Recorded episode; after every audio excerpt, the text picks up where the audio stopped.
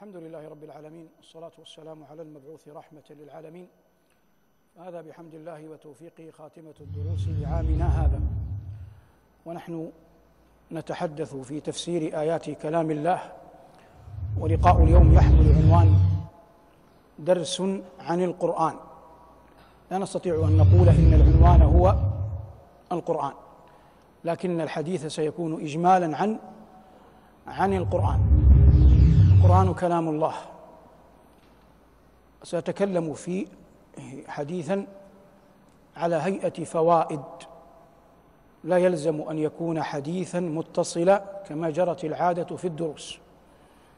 وهذه الفوائد لعل الله يفتح علينا بها. القرآن كلام الله نزل منجما في ثلاث وعشرين عاما على قلب نبينا صلى الله عليه وسلم. أول الآيات نزولا فاتحة سورة العلق. اقرأ باسم ربك الذي خلق. خلق الإنسان من علق. اقرأ وربك الأكرم الذي علم بالقلم. علم الإنسان ما لم يعلم.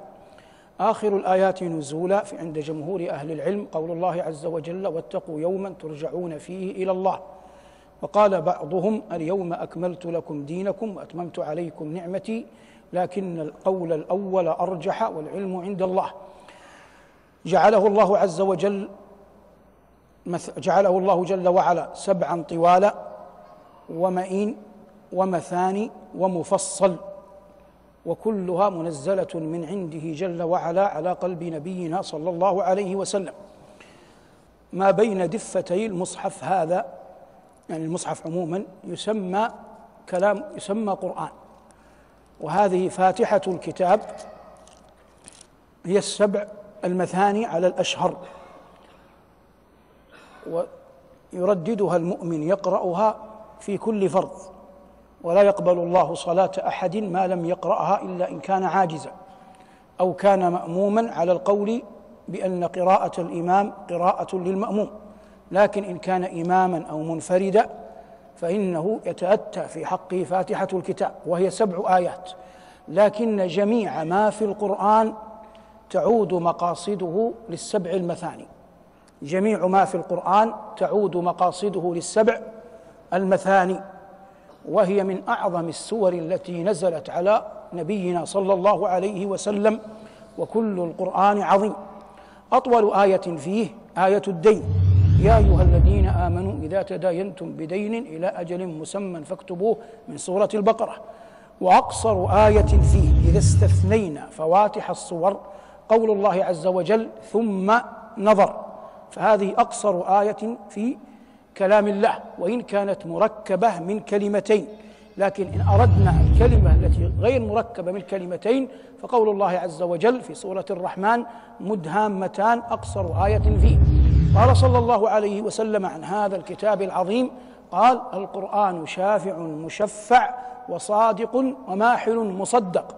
القرآن شافع مشفح وماحل مصدق. معنى ماحل مصدق أي أن من يحتج بالقرآن يصدق قوله. من يحتج بالقرآن يصدق يصدق قوله. من تبعه يعني من تبع القرآن جعله أمامه يقوده إلى الجنة.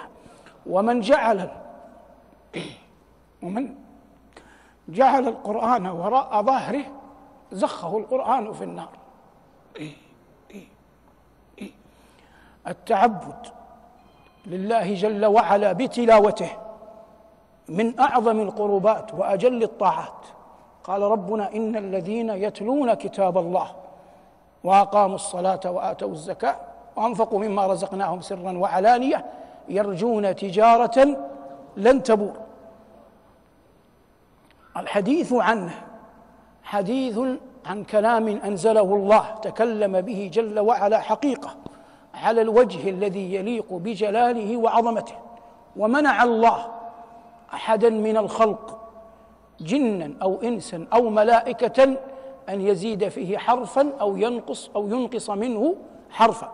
قال شيخنا الشنقيطي رحمه الله في تفسيره وإن الرجل من اليهود يقرأ التوراة فيزيد فيها أو ينقص منها لا يعلم الناس عنه شيئا لأن الله قال لهم بما استحفظوا. أي بما أوكل إليهم حفظه.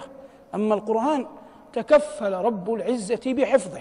فقال جل وعلا إنا نحن نزلنا الذكر وإنا له لحافظون. قال شيخنا رحمه الله فلو أن أحدا من المسلمين قرأ القرآن فأخطأ في آية لرد عليه أطفال المسلمين صغارهم قبل كبارهم. لأن الله جل وعلا حفظه ولا يتأتى لأحد لا اليوم ولا قبله ولا بعده أن يزيد فيه أو ينقص. وسيأتي على الناس زمان. وهذا حق يرفع القرآن كله في ليلة. يرفع القرآن كله في ليلة. لا أرانا الله وإياكم هذا اليوم. هذا القرآن الله يقول وقوموا لله قانتين. قال ابن عمر لا أعلم القنوت إلا طول القراءة في الصلاة. إلا طول القراءة في الصلاة. أن يقوم الإنسان في الليل إن يسر الله له ذلك يتلو ما في كتاب الله سواء إن كان ذلك مما يحفظه وهذا أكمل أو إن كان يقرأ من المصحف فلا حرج عليه فيه. قال صلى الله عليه وسلم من قام بعشر آيات لم يكتب من الغافلين ومن قام بمئة آية كتب من القانتين ومن قام بألف آية لم يكتب من المقن... كتب من المقنطرين. ومن قام بألف آية كتب من المقنطرين ومن أكثر فالله عز وجل في أجره أعظم وأجل وأكثر. فيه آية قال النبي صلى الله عليه وسلم من قرأ آية الكرسي قبل أن يموت من قرأ آية الكرسي دبر كل صلاة لم يمنحه من دخول الجنة إلا أن يموت. من قرأ آية الكرسي دبر كل صلاة لم يمنحه من دخول الجنة إلا أن يموت. البقرة وآل عمران في ترتيب المصحف جاءتا بعد الفاتحة. قال صلى الله عليه وسلم اقرأوا الزهراوين البقرة وآل عمران فإنهما يأتيان يوم القيامة كأنهما غمامتان يشفعان لصاحبهما.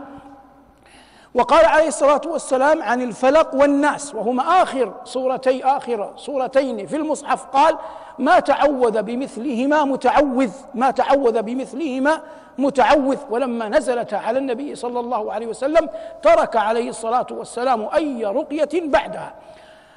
هذا القرآن يقول عليه الصلاة والسلام لا أقول ألف لام ميم حرف ولكن ألف حرف ولام حرف وميم حرف والحسنة بعشرة أمثالها والحسنة بعشرة أمثالها. كان الصحابة رضي الله عنهم وأرضاهم لا يكادون يتجاوزون عشر آيات حتى يحفظونها ويعملون ويعملون بها. من عظم ما فيه عظمه الله. ومن أراد الله به سوءا عافانا الله وإياكم. لم يجعل الله لم يجعل الله في قلبه تعظيما لكلامه. وقد مر معكم وقلت هذا مرارا. الحجاج سفك من الدماء. ما الله بها عليم. ورمي بالفسق وأجمع أهل زمانه على فسقه. ومع ذلك كان يعظم القرآن ويعظم حفظته ويجل أهل القرآن ويعطيهم العطايا. فلما أدركته المنية وحضر موته ألهمه الله أن يقول اللهم إنهم يقولون إنك لن تغفر لي فاغفر لي. اللهم إنهم يقولون إنك لن تغفر لي فاغفر لي. فغبطه الناس وأولهم عمر بن عبد العزيز على هذه الكلمة لأنها كلمة توفيق من الله أن يقولها عند غرغرة روحه. لأن فيها من استدراج رحمة الله من استدراج رحمة الله ما فيها. ولعل هذا والعلم عند الله لما كان في قلبي من تعظيم من يعظم القرآن وحبه لمن كان لمن كانوا في الأمة آنذاك في زمنه. يحفظون يحفظون القرآن. يختلف اعتقاد الناس بما فيه. من زيد إلى عمرو ويعطى كل إنسان حظه على قدر يقينه. على قدر يقينه يعطى. قال الإمام الزركشي رحمه الله في البرهان قال إن امرأة قال لها أحد أحفادها إن سقف البيت يكاد أن يسقط. فكتبت ورقة. وأعطته إياها وقالت لها وقالت له ضعها في ثقب السقف. فأخذ الفتى الورقة دون أن يقرأها ووضعها في ثقب السقف. مكث السقف على حاله. يكاد أن يسقط ولم يسقط عشرين سنة. قال الفتى ثم ماتت العجوز. فلما ماتت العجوز أردت أن أعرف ماذا كتبت. قال فلما أخذت الورقة من ثقب السقف سقط السقف. قال ثم قرأت ما فيها فإذا قد كتبت فيها اللهم إنك قلت. إن الله يمسك السماوات والأرض أن تزولا اللهم أمسك علينا السقف. فأمسك الله السقف عشرين عاما ليقينها بربها. وليس كل أحد يقرأ القرآن يبلغ هذه المنزلة في اليقين. لكن الإنسان لا يجعل أحدا يسبقه إلى الله. لا يجعل أحدا يسبقه إلى الله. الأمة تسود يعلو شأنها تجتمع كلمتها إذا عظمت كتاب ربها. قال عليه الصلاة والسلام تركت فيكم ما إن تمسكتم به لن تضلوا بعدي أبدا كتاب الله وسنتي. ومن أعظم الجهل أن يفرق أحد بين القرآن والسنة. أن يفرق أحد بين القرآن والسنة. من أنزل القرآن على قلب نبينا هو هو الذي رزق الحكمة في قلبه صلى الله عليه وسلم. قال الله عنه وما ينطق عن الهوى إن هو إلا وحي إن هو إلا وحي يوحى وقد ضمنه الله عز وجل من جليل المعاني.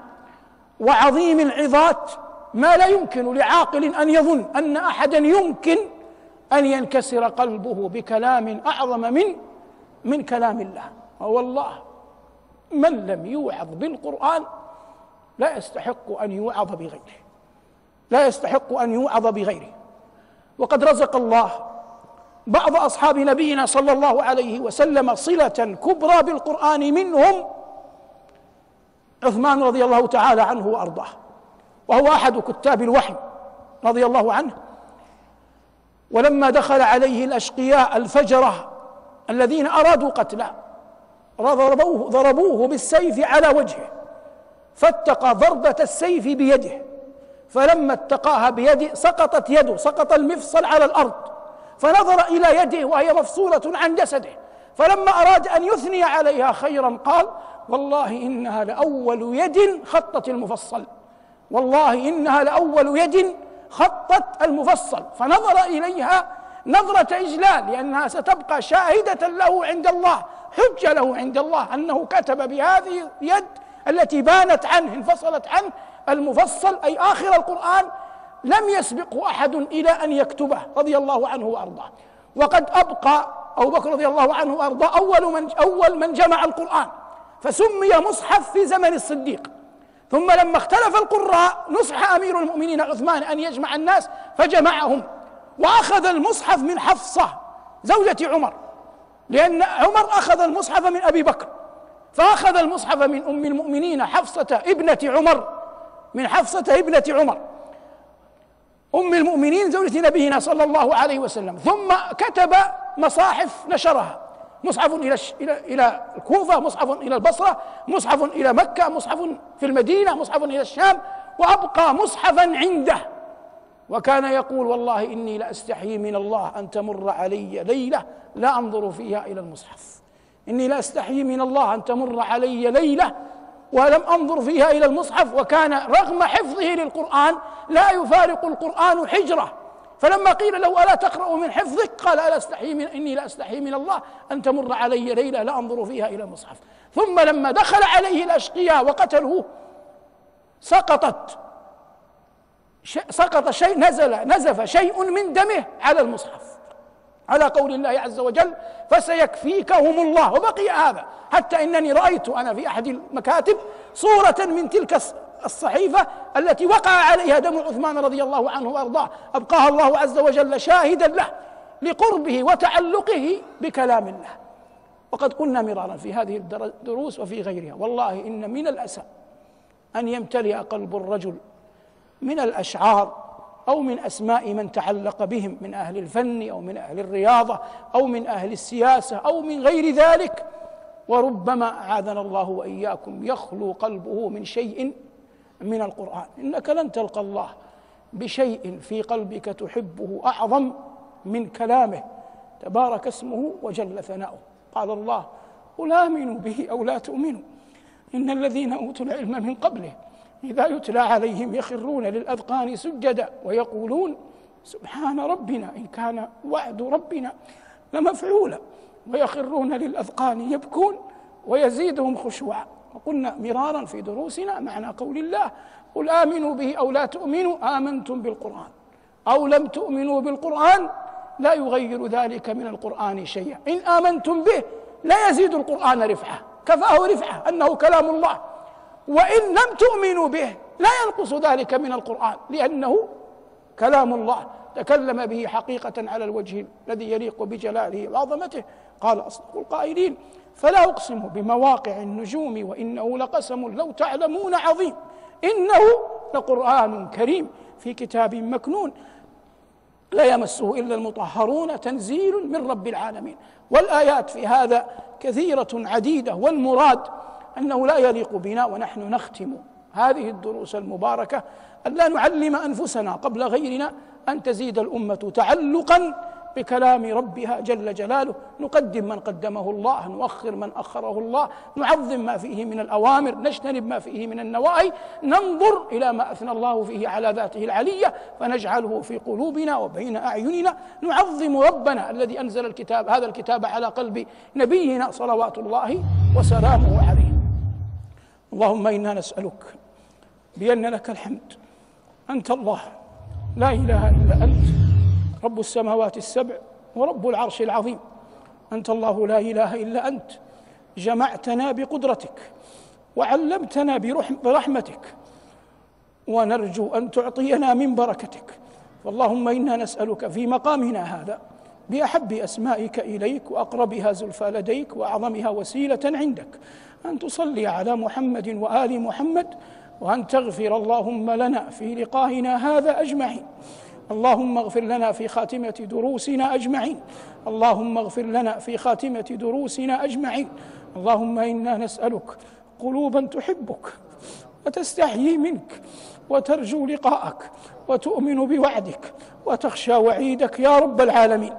اللهم استر عيوبنا واغفر ذنوبنا واقض ديننا وآتنا من لدنك رحمة وتوفنا وأنت راض عنا. لا إله إلا أنت. اللهم إنا نسألك العفو والعافية والمعافاة الدائمة في الدين والدنيا والآخرة. اللهم اشف مرضانا وارحم موتانا واغفر ذنوبنا يا ذا الجلال والإكرام. اللهم وفق ولي أمرنا لما تحبه وترضاه. اللهم وفقه ونائبيه. وأمراءه ووزراءه. واجعلهم اللهم رحمة على البلاد والعباد يا رب العالمين. اللهم اجعلهم أئمة هدى يقولون بالحق وبه يعدلون. يا ذا الجلال والإكرام. اللهم احفظ أمة محمد صلى الله عليه وسلم في كل مكان. اللهم احقن دماءهم وأموالهم وأعراضهم وأبرم وأبرم اللهم لهذه الأمة أمن رشد. يعز فيه أهل طاعتك ويهدى فيه أهل معصيتك. يا قوي يا عزيز. اللهم إنا نسألك أنت الله لا إله إلا أنت الرحمن الرحيم القريب المجيب السميع العليم العزيز الحكيم أنت الله لا إله إلا أنت رددت موسى إلى أمه وأرجعت يوسف إلى أبيه وجمعت ليعقوب بنيه نسألك اللهم بأسمائك الحسنى وصفاتك العليا أن تدخلنا الجنة. اللهم أدخلنا الجنة. اللهم أدخلنا الجنة. اللهم أدخلنا الجنة. اللهم حرمنا على النار. اللهم حرمنا على النار. وأجرنا من خزي الدنيا وعذاب الآخرة. اللهم أجرنا من خزي الدنيا وعذاب الآخرة. اللهم غنمنا السلامة في كل مكان يا رب العالمين. وعافنا واعف عنا واغفر لوالدينا وارحمهما. واجزهما عنا يا رب العالمين خير الجزاء. وأصلح الله اللهم لنا أبناءنا وبناتنا وذرياتنا تباركت وتعاليت يا ربنا سبحان ربك رب العزة عما يصفون وسلام على المرسلين والحمد لله رب العالمين